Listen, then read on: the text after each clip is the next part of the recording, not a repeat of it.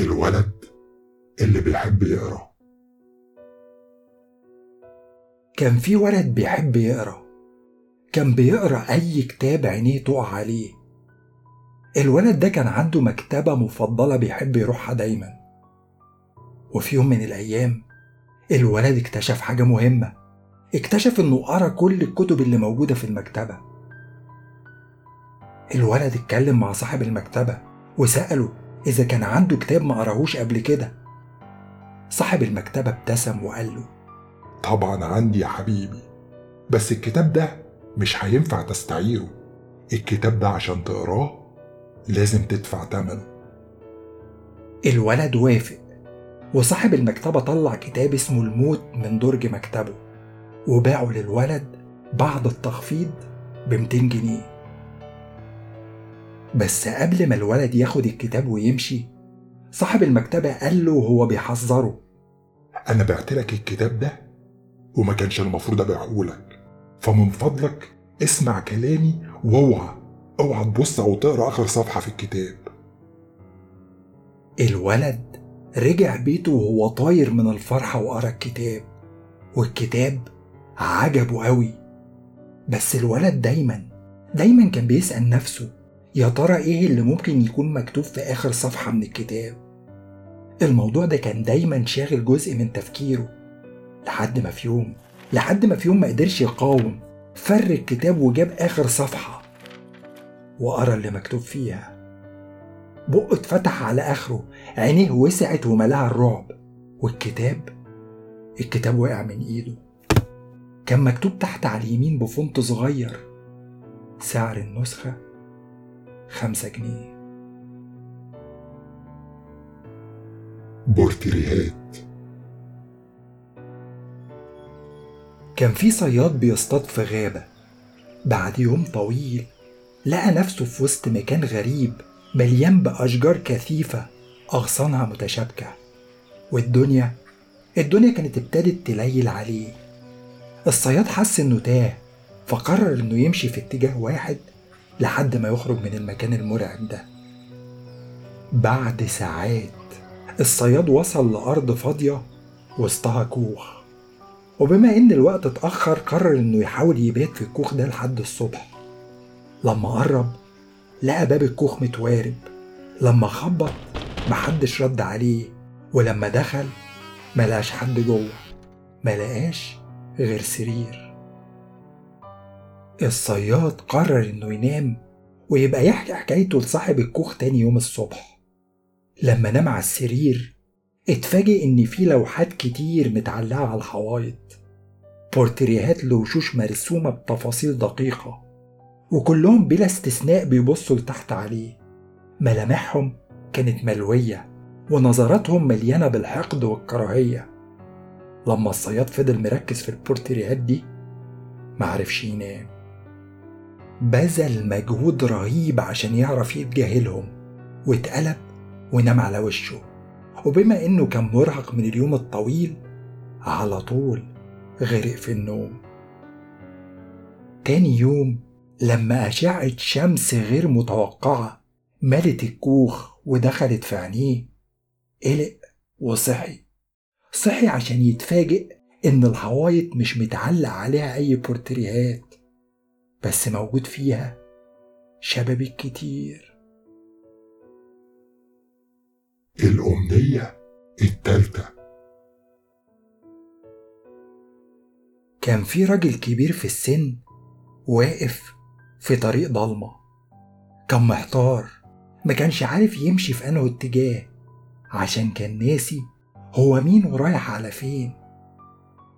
الحاجة الوحيدة اللي كان فاكرها إنه وقف عشان يريح رجليه التعبانين الراجل فجأة شاف قدامه ست عجوزة بتضحك ضحكة من غير أسنان بصوت مبحوح سألته دلوقت قولي أمنيتك التالتة هتكون إيه؟ الراجل اتلخبط رد عليها وهو مش فاهم أمنية تالتة إيه؟ إزاي يبقى في أمنية تالتة من غير أمنية أولى أو تانية؟ الست العجوزة ضحكت تاني وردت عليه. أمنيتك التانية كانت إني أرجع كل حاجة زي ما كانت قبل ما تتمنى أمنيتك الأولانية. وعشان كده أنت مش فاكر حاجة وعشان كده برضو فاضلك أمنية تالتة أمنية أخيرة. الراجل رد عليها وهو متردد. أنا مش مصدق اللي أنت بتقوليه. بس ما أعتقدش إن هيبقى في ضرر من إني أحاول أتمنى إن أعرف أنا مين. الست العجوزة ضحكت وهي بتحقق له أمنيته وقبل ما تختفي من قدامه للأبد قالت له شيء مضحك إن أمنيتك الأخرانية تبقى هي هي نفس أمنيتك الأولانية. هبة كانت بنت ذكية كان في بنت اسمها هبة وهبة كانت ذكية وكانت عارفة إنها ذكية كانت واحدة من الأطفال القليلين اللي عرفوا بدري إن باباهم ومامتهم مش أقوى ناس في العالم ولا يعرفوا كل حاجة في الدنيا. أول مرة عرفت كده لما خافت صحت من النوم على صوت غريب في أوضتها. صوت جاي من تحت سريرها أو ممكن ممكن يكون جاي من الدولاب. هبة طلعت تجري على أوضة باباها ومامتها. بابا ماما. مالك يا هبة؟ في إيه؟ مخضوضة كده ليه يا حبيبتي؟ في في عفريت في الأوضة بتاعتي يا بابا. هبة توقعت إن باباها ومامتها يحاولوا يطمنوها يحاولوا يهدوها. أو حتى يتضايقوا منها ويزعقوا لها ويقولوا لها إن أكيد بيتهيأ لها. بس بدل كده قاموا بسرعة وطلعوا جري على أوضتها وابتدوا يفتشوها. فتشوا كل شبر فيها. بصوا تحت السرير وفي الدولاب واتأكدوا إن الشباك مقفول كويس. وهبة فهمت على طول. فهمت اللي هما بيعملوه. كانوا عاوزين يبينوا لها إنهم حاسين بيها وبيحترموا خوفها بيحسسوها إنها محبوبة وإن أمانها مهم بالنسبة لهم. واضح إنهم قروا الكلام ده على النت أو في كتاب بس اللي هبة فعلا فهمته من اللي حصل إن عندها قوة وليها تأثير شديد عليهم. وعشان كده اللي عملته هبة الليلة دي كررته في كل ليلة. هبة كانت تصرخ وتعيط وباباها ومامتها يجوا جري على أوضتها. وهبة كانت تخبي ابتسامتها ورا دموعها والحق يقال ولا مرة باباها أو مامتها اشتكوا من الموضوع ده. وفي ليلة من الليالي ما قدرتش تمسك نفسها. ما قدرتش تخبي ضحكتها.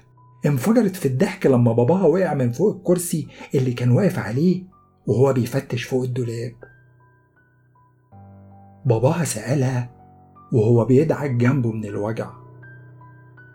هو إيه اللي بيضحكك قوي كده يا هبة؟ بضحك عشان أنتوا دايما بتصدقوني.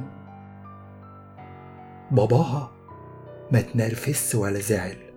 كل اللي عمله إنه بص لمامتها وبعدين بص تاني لهبة وقال لها.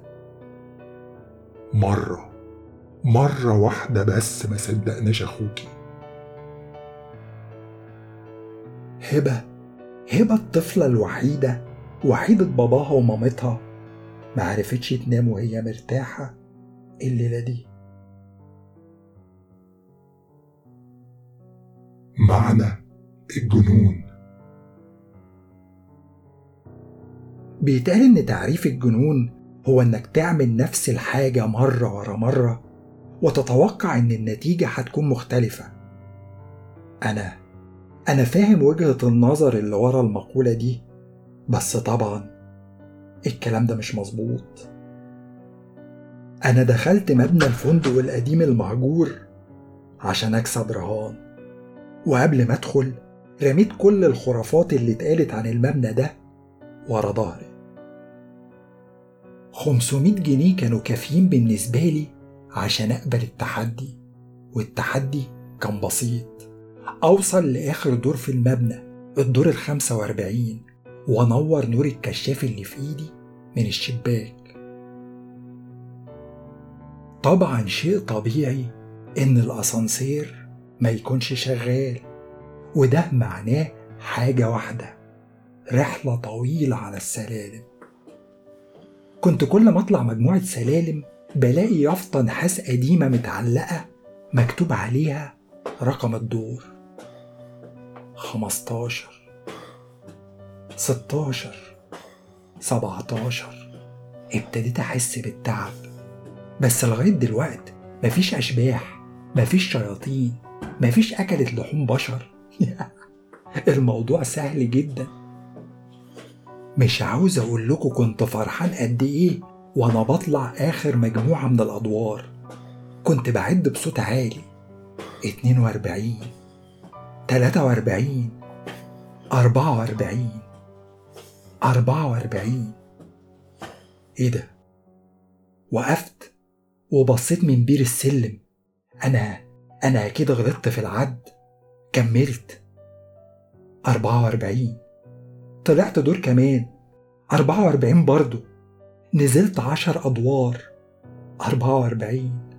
نزلت خمستاشر دور. أربعة وأربعين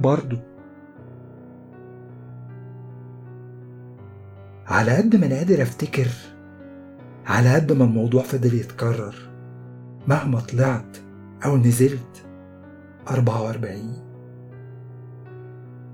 في الحقيقة الجنون مش إنك تكرر نفس الحاجة اللي بتعملها وتتوقع نتيجة مختلفة. الجنون الجنون إنك تبقى عارف إن النتيجة عمرها عمرها ما هتتغير ومع كده تكرر نفس الحاجة اللي بتعملها. إنك تفضل تطلع أو تنزل نفس مجموعة السلالم اللي بتأدي لنفس الدور. الجنون إنك تبقى عارف إن عمرك ما هيجيلك نوم بعد كده. إنك ما تبقاش عارف أنت بقالك قد إيه بتعمل نفس الحاجة. بقالك أيام ولا أسابيع ولا سنين. الجنون إن بكاك يتحول بالراحة لابتسامة. بنتي اتعلمت تعد. بنتي صحتني امبارح بالليل الساعة 12 إلا 10 تقريبا. أنا ومامتها كنا لسه جايبينها من حفلة عيد ميلاد صاحبتها سالي. أول ما روحنا دخلناها أوضتها عشان تنام. ومراتي دخلت أوضة نومنا وقعدت تقرا في السرير. وأنا أنا النوم غلبني على الكنبة وأنا بتفرج على التلفزيون. همست لي وهي بتشد كم بيجامتي بابا بابا خمن هيبقى عندي كام سنة الشهر الجاي؟ رديت عليها وأنا بلبس نضارتي معرفش يا روحي انتي قوليلي يا حبيبتي. ابتسمت ورفعت أربع صوابع قدام وشي. دلوقت الساعة بقت سبعة ونص الصبح وأنا ومامتها بقالنا قاعدين معاها حوالي 8 ساعات. بس لغاية دلوقت هي رافضة تقول لنا جابت الصوابع منين؟ عد تنازلي. الساعة جات له هدية في عيد ميلاده العاشر. كانت ساعة عادية من البلاستيك الأسود. كانت شبه أي ساعة تانية في كل حاجة ما عدا حاجة واحدة بس إنها كانت بتعد عد تنازلي. ده الوقت اللي فاضلك في الدنيا يا ابني. حاول تستفيد منه على قد ما تقدر. وفعلا هو عمل كده والساعة بتعد الولد بقى راجل راجل عاش حياته على أكمل وجه. راجل عاش حياة حافلة اتسلق جبال وعام في محيطات اتكلم وضحك وحب. الراجل اللي عمره ما خاف عشان دايما كان عارف فاضله وقت قد إيه ساعته ابتدت توصل لآخر العد التنازلي. الراجل العجوز وقف وبص حواليه بص على كل حاجة عملها وعلى كل حاجة بناها. خمسة. سلم على شريكه في الشغل اللي في نفس الوقت كان صاحبه اللي بيثق فيه. أربعة. طبطب على رأس الكلب بتاعه عشان يشكره على صحبته وإخلاصه ليه طول السنين اللي فاتت. تلاتة. حضن ابنه وهو عارف إنه كان أب كويس ليه. اتنين.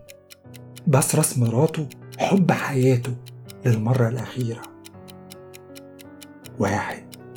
الراجل العجوز ابتسم وقفل عينيه. وبعدين؟ وبعدين مفيش حاجة حصلت. الساعة صفرت وبعدين قفلت. والراجل العجوز فضل واقف في مكانه كان لسه عايش كان حي. انت ممكن في اللحظة دي تفتكر انه كان طاير من الفرحة بس بدل كده لأول مرة في حياته الراجل كان خايف. أديك عرفت. عمرك دخلت أوضة ولقيته قدامك مصاص دماء؟ لا مش من النوع المثير اللي شكله جميل اللي بيظهر في الأفلام. أنا بتكلم عن مخلوق بشع عظمه بارز وجلده رمادي مجعد. النوع اللي هيزمجر ويكشف عن أنيابه أول ما هتدخل. النوع اللي هيثبتك مكانك بنظرة عينيه. عينيه الغطسانة جوه جمجمته. عينيه اللي هتنيمك مغناطيسيا ومش هتخليك تعرف تهرب وانت شايفه وهو بيخرج بالراحة من الركن الضلمة في الأوضة. حسيت بقلبك اللي ابتدى يدق بسرعة على عكس رجليك المشلولة في مكانها. حسيت بالوقت وهو بيبطأ وانت شايفه بيقطع المسافة اللي ما بينكم عشان يبقى قدامك في لمح البصر. طب حسيت بالخوف وهو بيحول إيديك لقوالب تلج؟ وهو بيحط إيد من إيديه على راسك والإيد التانية على دقنك عشان يعرف يميل راسك على جنب عشان يكشف رقبتك؟ طب اتنفضت لما حسيت بلسانه الخشن وهو بيدور على الوريد اللي بيغذي مخك بالدم؟ هل حسيت بنفسه السخن على جلدك وهو بيجس نبضك؟ طب غرقت في الضلمة الباردة لما اكتشفت إن مش كل مصاصين الدماء بيتغذوا على الدم وإن في منهم بيتغذوا على الذكريات. اكتشفت الموضوع ده. شكلك ما اكتشفتوش لحد دلوقت خليني أعيد لك السؤال بشكل تاني. عمرك دخلت أوضة وفجأة نسيت أنت دخلت ليه؟